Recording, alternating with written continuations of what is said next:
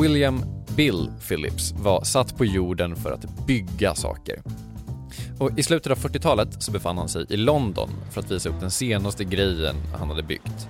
En maskin som var ekonomin. Han var på en spännande plats. London School of Economics hade på den här tiden samlat på sig några av Europas smartaste och mest framstående ekonomer eh, för de ville kunna konkurrera med Cambridge där John Maynard Keynes eh, hade revolutionerat världen med någonting som han kallade för makroekonomi. Det här var en tid eh, efter den stora depressionen och efter andra världskriget som det fanns en stark tro på att man kunde skapa en ekonomi och ett samhälle som fungerade för alla om man nu bara hade de rätta verktygen. Det var med andra ord en perfekt tid och en perfekt plats för en person som älskade att bygga. För Bill Phillips började allting drygt 30 år tidigare. Hans pappa Harold, som var mjölkbonde på den nyzeeländska landsbygden, han började lära sin son hur man byggde leksaker. Harold var också född för att bygga grejer ska sägas. Philips gård var den enda i området som hade elektricitet och vattentoalett och liksom inte för att de var superrika utan bara för att Harold hade byggt allting själv. Bill slutade bygga leksaker och började snart bygga radioapparater. Han hade en fallenhet för allting som hade med ingenjörskap att göra och han lagade på egen hand en trasig lastbil som hade varit stående i ett decennium.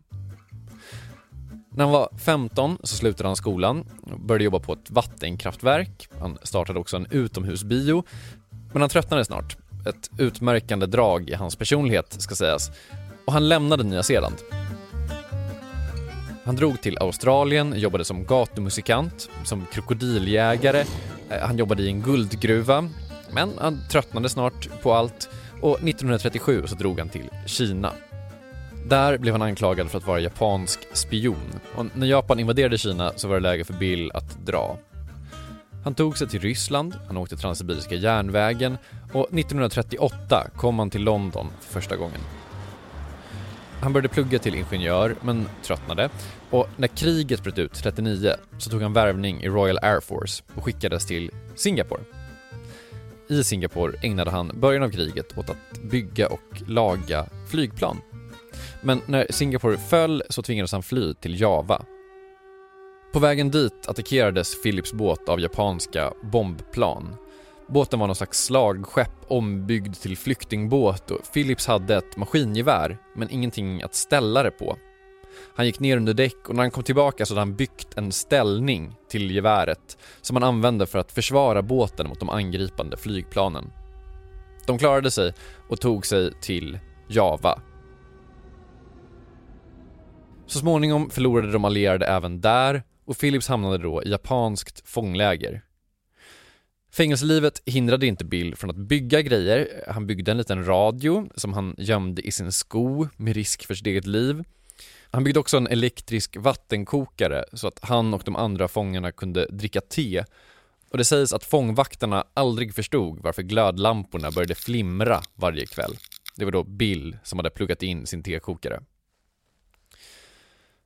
En av de få saker som Bill sa om sin tid som fånge, eh, det var att det var dåligt med mat. Så de långa männen dog, men Bill var kort, så han överlevde. Mot slutet av kriget blev han beordrad att gräva en massgrav och han eh, förstod att han själv skulle ligga i den inom kort. Men på sin radio hörde han snart att två atombomber hade släppts över Japan och att kriget skulle ta slut. Until the military power of Japan is destroyed.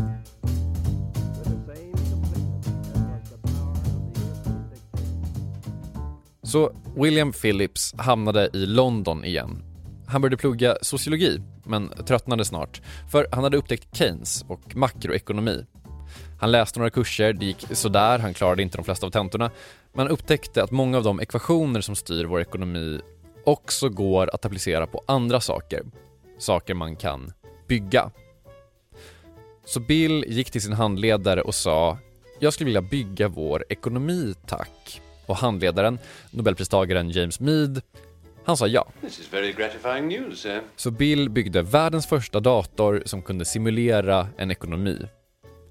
Det är en enorm sak, två meter hög, eh, och det är ett system med rör och vatten vatten och tankar och pumpar.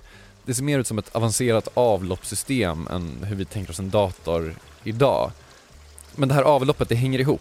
Sänker man arbetslösheten så kommer mer pengar in i skatt, vilket illustreras genom att vatten rinner ner i skattetanken och tömmer man skattetanken, alltså ökar det offentligas utgifter, så får hushållen mer pengar och räntan höjs och allt illustreras genom vatten och pumpar och rör och reglage. So when there's less money in this investment funds, we're going to see the level drop, which is just like seeing interest rates rise. So money's now more scarce. Philips, som hade varit en akademisk flopp, hade nu äntligen lyckats. Moniac, som datorn hette, blev en succé och Philips blev professor. Under sin tid i London kom han bland annat att mynta Philipskurvan, sambandet mellan arbetslöshet och inflation, innan han tröttnade på ekonomi, flyttade tillbaka till Nya Zeeland och ägnade slutet av sitt 60-åriga liv åt att studera kinesisk kultur.